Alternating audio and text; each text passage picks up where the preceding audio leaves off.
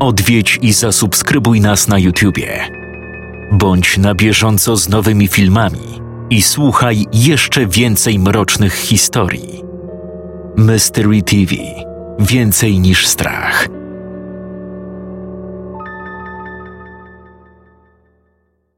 Jesteś na miejscu. Zjedź z ronda. Wjedź na rondo. Jedź dalej prosto. Miejsce docelowe będzie po lewej stronie. Nie. Połączenie transmisji danych zostało zerwane. Dobry wieczór. Witam Państwa bardzo serdecznie w kolejny piątek, w kolejnej historii z creepy wyzwania. Jak sami widzicie, urządzenia telekomunikacyjne i nawigacyjne potrafią bardzo często wyprowadzić nas w pole albo w las. W las został również wyprowadzony bohater dzisiejszej historii autorstwa Szymona Mandraka. Jeżeli jeszcze jesteśmy wyprowadzeni w las, pół biedy. Jeżeli jednak dołączymy do tego miejsce, w którym dochodzi do tajemniczych wypadków, no to historia zaczyna nabierać dziwnych, niepokojących barw. Jak zakończy się ta przejażdżka? Zapraszam Was na podróż w głąb lasu. Zapnijcie pasy.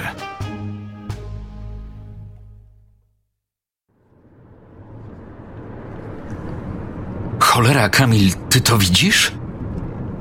Spytała chłopaka Laura, patrząc przez szybę samochodu, którym jechali. To wygląda jak jakiś cmentarz. To raczej nie jest cmentarz, bo przed chwilą mijaliśmy miejsce, z którego zobaczyłem cmentarz w głębi lasu. Odparł trzynastoletni brat Laury, Antek, siedzący z tyłu za fotelem kierowcy. To po prostu takie miejsca pamięci osób, które tu zginęły w wypadkach. Stwierdziła dwudziestodwulatka, ściągając z oczu okulary przeciwsłoneczne. Jechali akurat drogą z dwóch stron otoczoną lasem. Zarówno po prawej, jak i lewej stronie, na poboczu, stało mnóstwo krzyży. Niektóre były metalowe, a niektóre drewniane, po prostu zbite z desek. Jedne wyglądały na stare, inne na nowe. Samochód, którym jechał Kamil wraz ze swoją dziewczyną Laurą i jej młodszym bratem, był coraz bliżej ostrego zakrętu. Właśnie wtedy Kamilowi zadzwonił telefon. Misiu, lepiej teraz nie odbieraj. Muszę odebrać, bo to z pracy. Halo? Dzień dobry. Nie, niestety jestem na urlopie i... Dwudziestopięciolatek nie wyczuł, że zaraz na poboczu zakrętu ostro bierze go na prawe pobocze. Gwałtownie skręcił kierownicą w lewo, ale było za późno. Opona o coś uderzyła i po chwili Kamil wiedział już, że nici z dalszej jazdy. Kurwa mać! Wycedził zatrzymując wóz i wysiadając z niego. Powietrze gwałtownie uchodziło z prawej przedniej opony, która musiała zostać przebita na fragmencie zardzewiałego pręta wystającego z ziemi. Tuż za miejscem, w którym kończył się asfalt, a zaczynała piaszczysta gleba porośnięta chwastami. Jasna dupa, co to za gówno? Jakbyś mnie posłuchał i nie odbierał tego pieprzonego telefonu, nie zjechałbyś z drogi i nie najechał na to. Równie dobrze mogłeś przebić oponę na fragmencie tego krawężnika. Tu musiał być kiedyś chodnik, ale zarósł. No nie dziwię się, że zarósł. Pewnie nikt tędy nie chodzi. Droga też jest w opłakanym stanie, a nikomu nie chce się jej naprawiać, bo pewnie przejeżdża nią kilka samochodów na dzień. To co robimy? Wzywamy pomoc drogową? pomoc drogową? Do przebitej opony? Ojej, zaraz ją wymienię i jedziemy dalej, skarbie. Za dwie godziny będziemy nad morzem. Wyciągnę z bagażnika koło zapasowe i narzędzia, ty weźmiesz trójkąt i pójdziesz postawić go przed zakrętem. Kiedy Laura ruszyła z trójkątem ostrzegawczym w kierunku, z którego przyjechali, Kamil zaklął, orientując się, że nie ma lewarka. Ostatnio kupił w Castoramie nowy i musiał nie włożyć go do samochodu. Wszystko przez roztargnienie, które dość często uprzykrzało mu życie. Cholera, nie mamy lewarka. Czego? No, takiego podnośnika. Bez niego nie wymienię opony. Jasny szlak. Widziałam jakiś dom kawałek przed zakrętem. Dom? No, taki stary, w głębi lasu. Może tam ktoś mieszka i ma ten cały lewarek. Kamil zamknął samochód i po chwili we trójkę ruszyli w stronę domu, o którym mówiła dziewczyna. Stał jakieś sto metrów od szosy, na niewielkiej skarpie w lesie. Był mały i zaniedbany, ale nie był niezamieszkały. Jakiś starszy facet kosił trawę w ogrodzie. Dzień dobry, zawołał Kamil, podchodząc do furtki. Facet wyłączył kosiarkę i dał znak ręką chłopakowi, by po prostu pchnął bramkę i wszedł. Dzień dobry. Jedziemy z dziewczyną nad morze na kilka dni i kawałek stąd złapaliśmy panę. Chłopak podał rękę mężczyźnie. Facet mógł mieć z sześćdziesiąt kilka lat. Jednak długie, siwe włosy i kilkudniowy zarost znacznie go postarzały. Właśnie miałem się brać za wymianę koła, ale zorientowałem się, że nie mam lewarka. Może miałby pan pożyczyć, bo jak nie, to. Jasne, że mam. Nie ma problemu. Odparł mężczyzna, ruszając w kierunku blaszanego garażu. Ja mojego gruchota to rzadko kiedy odpalam ostatnimi czasy. Wiesz pan, paliwo takie drogie. A poza tym już się nie ma tego refleksu na drodze. Ale lewarek powinienem mieć przy kole zapasowym w bagażniku. O, jest. Bardzo panu dziękuję. Myślę, że uporam się z tym do 20 minut i zaraz będę tu z powrotem. A gdzie dokładnie zostawiliście to auto? Zaraz przy tym zakręcie poniżej pana domu. To radzę szybko wymienić to koło i jak najszybciej stąd odjeżdżać. Ta droga jest niebezpieczna. Nie chciałbym używać słowa przeklęta, bo moglibyście mnie wyśmiać. Właśnie widzieliśmy mnóstwo krzyży na poboczu. Naprawdę było tam aż tyle wypadków? Ta. Nie ma roku, żeby nie było w okolicy tego zakrętu jakiegoś śmiertelnego wypadku. Tego lata były już dwa. Końcem czerwca facet jadący na motorze wypadł z drogi i roztrzaskał się na drzewie. Śmierć na miejscu a jakoś trzy tygodnie temu zderzyły się czołowo dwie osobówki. W jednej jechało starsze małżeństwo, a w drugiej jakiś facet. Cała trójka zginęła. Poprzedniego roku było chyba z siedem wypadków śmiertelnych. A, szkoda gadać. Laura, wciągnięta w rozmowę z siwowłosym mężczyzną, nawet nie zwróciła uwagi, kiedy Kamil oddalił się w kierunku szosy z pożyczonym lewarkiem w ręku. Antka też wyraźnie zaciekawiło to, co mówił ten facet. Ta droga jest strasznie wąska i w asfalcie jest pełno dziur. Poza tym na poboczu są jakieś zarośnięte fragmenty krawężnika i jakieś pręty. Wcale mnie nie dziwi, że dochodzi tu do tylu wypadków. O, obawiam się, młoda damo, że te wszystkie rzeczy, o których mówisz, nie są powodem tego, co się tu dzieje. Co pan ma na myśli? To złe miejsce. Lepiej tędy nie jeździć. Są na świecie miejsca, w których dzieją się rzeczy niebywałe. Ta droga, na której przed chwilą przebiliście oponę, jest tego najlepszym przykładem. To złe miejsce. Te lasy dookoła. Coś w nich żyje. Coś bardzo, bardzo złego. Dlatego lepiej omijać tę drogę nie jeździć nią, bo może stać się coś okropnego. Coś pani pokaże. Powiedział siwy mężczyzna, ruszając w kierunku domu. Ten gość jest jakiś dziwny. O co mu chodziło, jak mówił, że coś żyje w tym lesie? Rzucił Antek. A ja wiem. Starsi ludzie mają czasem takie swoje legendy, w które wierzą i które opowiadają każdemu, kogo spotkają. Zwłaszcza tacy, którzy mieszkają na takim odludziu jak to. Niech pani popatrzy. Powiedział mężczyzna, wracając do Laury, niosąc w rękach zdjęcie oprawione w ramę. Przedstawiało jasnowłosego, uśmiechniętego chłopca, który mógł mieć z jedenaście lat. To pana wnuk? Nie, to mój syn. Nie żyje od ponad piętnastu lat. Zrobiłem mu to zdjęcie niedługo przed tym potwornym wypadkiem. O Boże, bardzo mi przykro. Mieszkałem z Maksiem sam, bo jak miał sześć lat, żona nas zostawiła. Ale tak bardzo go kochałem. Jeden z tych krzyży, które widzieliście przy drodze, Ja postawiłem. Wtedy był to pierwszy krzyż. Zupełnie jakby śmierć Maksia zapoczątkowała tę okropną serię wypadków. Boże, on przecież miał całe życie przed sobą. Tamtego dnia poszedł do sklepu do wsi. Kiedy wracał poboczem drogi, jakiś idiota stracił panowanie nad kierownicą. Zjechał na pobocze i uderzył w mojego Maksia. Z oczu mężczyzny popłynęły łzy. Antek spuścił głowę. Laura nie wiedziała, co odpowiedzieć. Po chwili niezręcznej ciszy starszy facet przetarł chusteczką oczy, po czym zmienił temat. a wy to na wczasy jedziecie?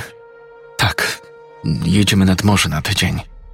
Rodzice w tym roku nigdzie nie wyjeżdżają, więc postanowiliśmy wziąć mojego brata ze sobą. Po kilku minutach Kamil wrócił z lewarkiem, co oznaczało, że wymienił koło i mogli jechać dalej. W samochodzie Antek włączył w telefonie internet i wpisał w Google zakręt śmierci, a także nazwę miejscowości, w której się znajdowali. Wyświetlił się jakiś artykuł. Chłopiec otworzył go, ale było dużo tekstu, więc zaczął pobieżnie przelatywać go wzrokiem i wczytał się po chwili we fragment, który wydawał mu się najciekawszy. Miejsce to od wielu lat skupia uwagę nie tylko mieszkańców okolicznych miejscowości, ale także osób zajmujących się zjawiskami paranormalnymi. Tajemnica zakrętu śmierci od dawna budzi nie tylko ciekawość, ale również poczucie lęku, a nawet przerażenie. Choć w Polsce wiele jest miejsc, w których stosunkowo często dochodzi do tragicznych wypadków, to tylko w okolicach zakrętu opisywanego w tym artykule mają miejsce fakty, których jeszcze nikomu nie udało się racjonalnie wytłumaczyć. Jednym z takich faktów jest to, że za każdym razem, kiedy na zakręcie śmierci dochodzi do wypadku, życie tracą wszyscy, którzy brali w nim udział. Choć od prawie 20 lat każdego roku ma tam miejsce kilka, a czasem nawet kilkanaście wypadków, ofiar zawsze jest tyle, ilu uczestników zdarzenia. Jednak to nie wszystko. Prawdziwą grozę budzi coś, o czym udało nam się zdobyć niewiele informacji, bo w sprawie tej ciągle prowadzone jest śledztwo objęte tajemnicą. Jednak jeden z naszych redaktorów dotarł niedawno do informacji zdradzających, czego dotyczy zagadkowe śledztwo w sprawie wypadków na zakręcie śmierci. Chodzi o ciała osób, które zginęły w wypadkach. Wszystko wskazuje na to, że w momencie odnajdywania ich przez służby ratunkowe niektóre z ciał były niekompletne. Przykładem mogą być zwłoki kobiety, która w 2016 roku zjechała z trasy i uderzyła w drzewo. Zginęła na miejscu. Jej ciało było w fatalnym stanie, ale do tego wszystkiego nie posiadała prawej stopy. Funkcjonariusze dokładnie przeszukali okoliczny teren, podejrzewając, że stopa być może oderwana została w trakcie wypadku i znajduje się w pewnej odległości od samochodu. Jednak nigdy nie została znaleziona. Ale to jeszcze nic. Podczas sekcji zwłok kobiety stwierdzono, że jej prawa stopa została odcięta jakimś bardzo ostrym narzędziem. To by oznaczało, że ktoś zakradł się w miejsce wypadku i odciął martwej kobiecie część dolnej kończyny, co wydaje się wręcz niedorzeczne. Jednak podobnych przypadków, gdzie ofiary zostały pozbawione części ciała, jest bardzo dużo. To wszystko sprawia, że zakręt śmierci budzi grozę nie tylko kierowców przejeżdżających tamtą trasą, ale również każdego, kto choć raz zetknął się z historią tego przedziwnego miejsca.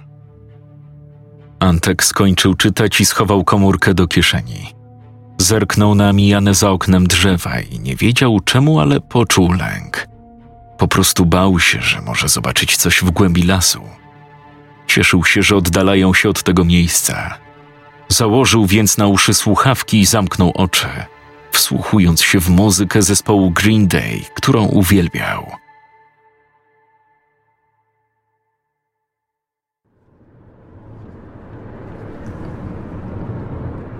Mama, siku mi się chce. Powtarzał sześcioletni Piotrek, uderzając piąstkami o tył siedzenia fotelu pasażera. Zaraz się gdzieś zatrzymamy, synu. Wytrzymaj jeszcze chwilę, mi też się chce sikać. Odparł ojciec prowadzący czarnego jeepa kompasa. Mówiłam, Karol, żeby zatrzymać się na tej stacji pół godziny temu. Jechali nad morze. Było późne popołudnie. Wąska asfaltowa droga, którą akurat gnali przed siebie, kilka minut temu zaczęła prowadzić przez gęsty las. I tak ciągnąć miała się jeszcze kilka kilometrów. Rodzina zbliżała się do tego zakrętu, na którym kilkanaście dni wcześniej Kamil przebił oponę. Widzę jakiś plac. Tutaj się zatrzymamy, oznajmił Karol, skręcając na niewielki przydrożny parking. Na jego końcu stał zrujnowany budynek, który kiedyś, kiedy jeszcze nie było autostrady i wszyscy jadący nad morze podróżowali właśnie tą drogą, był karczmą. Jupi, nareszcie! Kiedy po chwili opróżniał pęcherz, stojąc pod wysokim drzewem, poczuł intuicyjnie, że ktoś się do niego zbliża. Może nawet usłyszał jakiś szelest. Daleko jeszcze do tej ustki? Piotrek odwrócił się i zobaczył, że nikogo za nim nie ma. Coś mu się musiało wydawać. Mama z tatą stali na środku parkingu i jedząc kanapki o czymś rozmawiali. Jeep stał zaraz pod lasem, jakieś 15 metrów przed chłopcem. Drzwi samochodu były otwarte. Piotrek zapiął rozporek spodenek i ruszył w kierunku wozu. W sumie też by coś przekąsił. I właśnie wtedy to zobaczył. Coś małego i czarnego przemknęło obok auta i zniknęło za otwartymi drzwiami pasażera. Chłopiec przystanął w bezruchu, zastanawiając się, czy naprawdę coś wskoczyło do auta, czy tylko mu się przywidziało. Bo to coś jakby pełzło po ziemi, niczym czarny cień. Ale to też mógł być kot, a Piotrek nie znosił kotów, odkąd jeden pożarł małego ptaszka na jego oczach. Mamo, chodź tu. Co się stało, Piotruś? Coś cię urządliło? Mówiłam, żebyś nie wchodził do tego lasu. Nie, nic mi nie jest, mamusiu. Po prostu jakiś kot chyba nam wskoczył do auta. Kot? Nie no, jestem pewien, że żadnego kota tu nie widziałem. Mężczyzna zajrzał do wozu, jednak nic nie rzuciło mu się w oczy.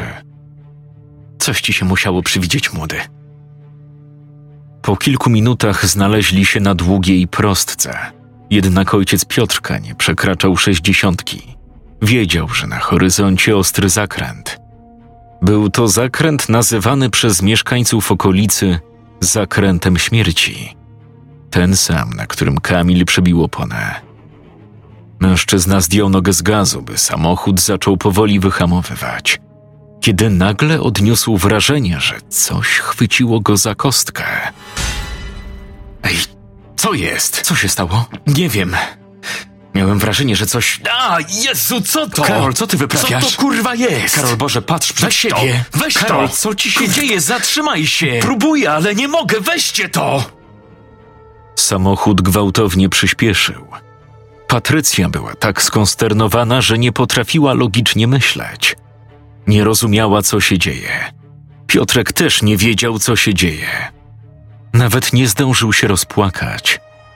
Siedział z tyłu z przerażoną miną i patrzył na mamę, która dopiero teraz nachyliła się w stronę męża i próbowała chwycić kierownicę.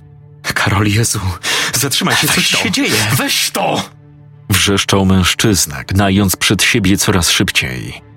Samochód jechał już 90 km na godzinę, co na tak wąskiej drodze było naprawdę zabójczą prędkością.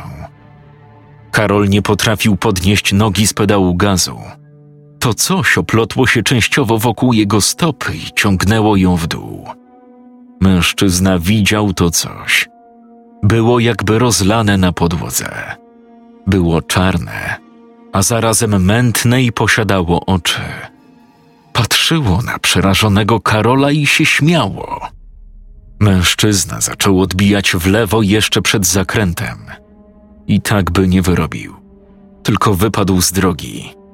Jednak z naprzeciwka jechała akurat mała ciężarówka załadowana węglem. Czarny jeep rąbnął czołowo w maskę ciężarówki i odbił się od niej, po czym dachując kilka razy, uderzył z impetem w drzewa rosnące po drugiej stronie. Mała ciężarówka uderzyła w skarpę po prawej, a następnie przewróciła się na asfalt. To był bardzo stary model, z wielką, płaską szybą z przodu, więc kierowca nie miał szans, by przeżyć czołowe zderzenie z pędzącym jeepem. Kiedy matka Piotrka ocknęła się, przez moment nie miała pojęcia, co się stało. Kiedy już doszło do niej, że chwilę wcześniej mieli wypadek, zaczęła zastanawiać się, jak długo mogła być nieprzytomna. Kilka minut? Pierwsze, co zobaczyła, to zmiażdżone ciało swojego męża. Dach samochodu wgnieciony był do środka i przyciskał głowę Karola do jego klatki piersiowej. Maska pojazdu też była wgnieciona. Patrycja nic nie czuła. W zasadzie nie wiedziała, jakim cudem żyje. Jej tułów był nienaturalnie wygięty do tyłu. Miała też coś wbite w prawy bok. Chyba fragment drzwi. Widziała zmasakrowane ciało swojego synka zakleszczone między fotelami. Patrycja była pewna, że jej syn nie żyje. Chciała wyć, ale nie potrafiła wydobyć z siebie głosu. I właśnie wtedy zobaczyła coś przez wybitą tylną szybę. Coś żółtego zbliżającego się w kierunku auta. To był człowiek w żółtej pelerynie, z jakimiś nożycami w ręku. Kobieta zrozumiała, że przyszedł z pomocą. Widocznie była nieprzytomna tak długo, że ktoś zdążył zadzwonić po straż i karetkę. Tutaj. Jestem tutaj. Mimo wszystko człowiek w kapturze podszedł do samochodu. Z trudem udało mu się otworzyć wgniecione tylne drzwi. Wszedł na kolanach na tylne fotele i spojrzał na ciało Piotrka. Patrycja była pewna, że człowiek w pelerynie będzie próbował uwolnić chłopca z uścisku. Ale on zrobił coś bardzo dziwnego. Coś, co sprawiło, że Patrycja pomyślała, że ma halucynacje i od razu dostała silnego krwotoku. Kiedy krew wylewała się z jej ust, postać w kapturze ściągnęła chłopcu buta prawej nogi i skarpetkę. Powąchała stopę dziecka, a następnie wsadziła sobie jej część do buzi i oblizała. Tak jak robi się to z lodem śmietankowym na patyku. Mężczyzna w pelerynie lekko się skrzywił i spojrzał teraz na ramię martwego chłopca. Uniósł rękę Piotrka, po czym odciął mu dłoń nożycami do metalu. Gęsta krew zaczęła rozlewać się na podłodze między siedzeniami. Facet w pelerynie wyciągnął z kieszeni spodni ostry nóż myśliwski. Przeczołgał się po ciele chłopca do przodu i gdy znalazł się przy Patrycji, która przed momentem przestała oddychać, zdarł z niej koszulkę oraz zsunął stanik. Chwilę gapił się na jej wielkie piersi, a ślina skapywała z jego podbródka. Wiedział jednak, że musi się spieszyć. Zatopił nóż w ciele Patrycji, a następnie wykonał cięcie, odcinając jej prawą pierś. Gdy wyszedł z wraku samochodu, schował ją, a także odciętą rączkę Piotrka do plecaka, po czym ruszył w kierunku leśnej ścieżki. Tego samego dnia, późnym wieczorem, starszy mężczyzna, który przed kilkunastoma dniami pożyczył Kamilowi lewarek, siedział przed domem przy drewnianym stoliku i czekał, aż upiecze się mięso na grillu.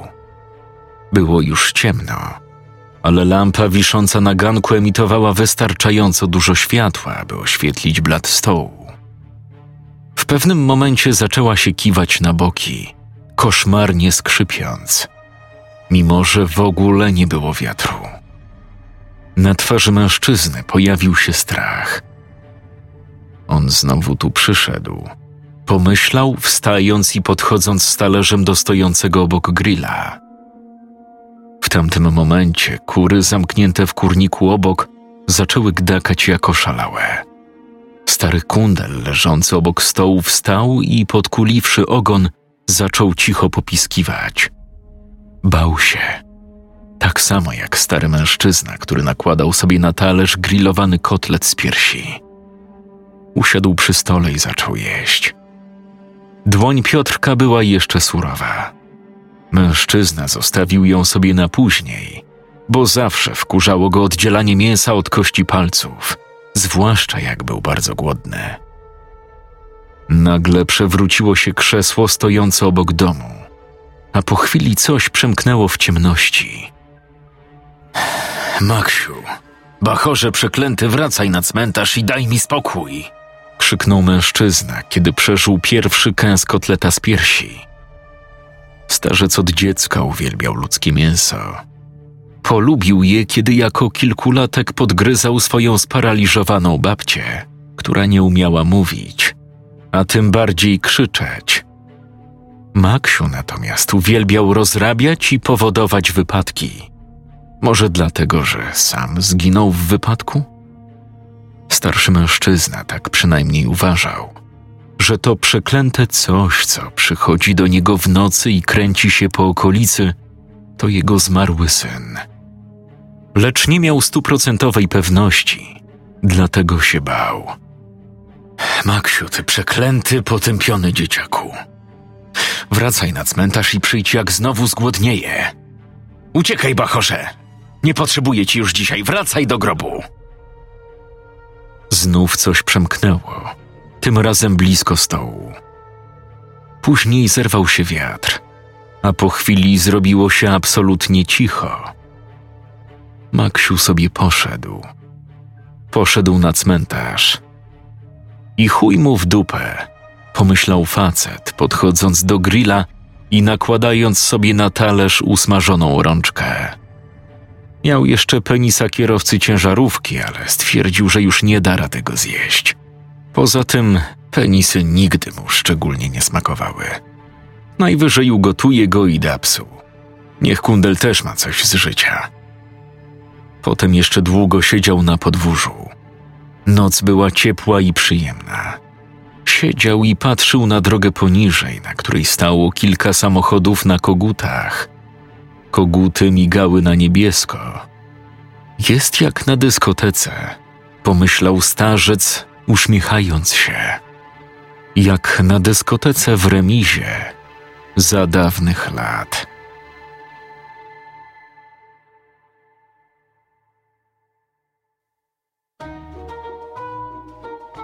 No, już Państwo wrócili. Mam nadzieję, cali i zdrowi.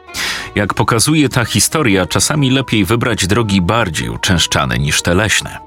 Oczywiście są sytuacje, gdzie nie mamy wyboru i musimy jechać przez las, no to wtedy po prostu się nie zatrzymujmy. No chyba, że złapie nas guma, tak jak naszych bohaterów. No to wtedy po prostu nie wdawajmy się w żadne dyskusje i relacje z dziwnie wyglądającymi mężczyznami, którzy mieszkają niedaleko dziwnych, podejrzanych miejsc. A to nie jest to, o czym myślicie, i to nie jest to, co miał zjeść pies. Tymczasem słyszymy się w niedzielę w kolejnym odcinku Świecy Szeptuchy i widzimy za tydzień w piątek w kolejnej opowieści Skrypie Wyzwania. Do zobaczenia.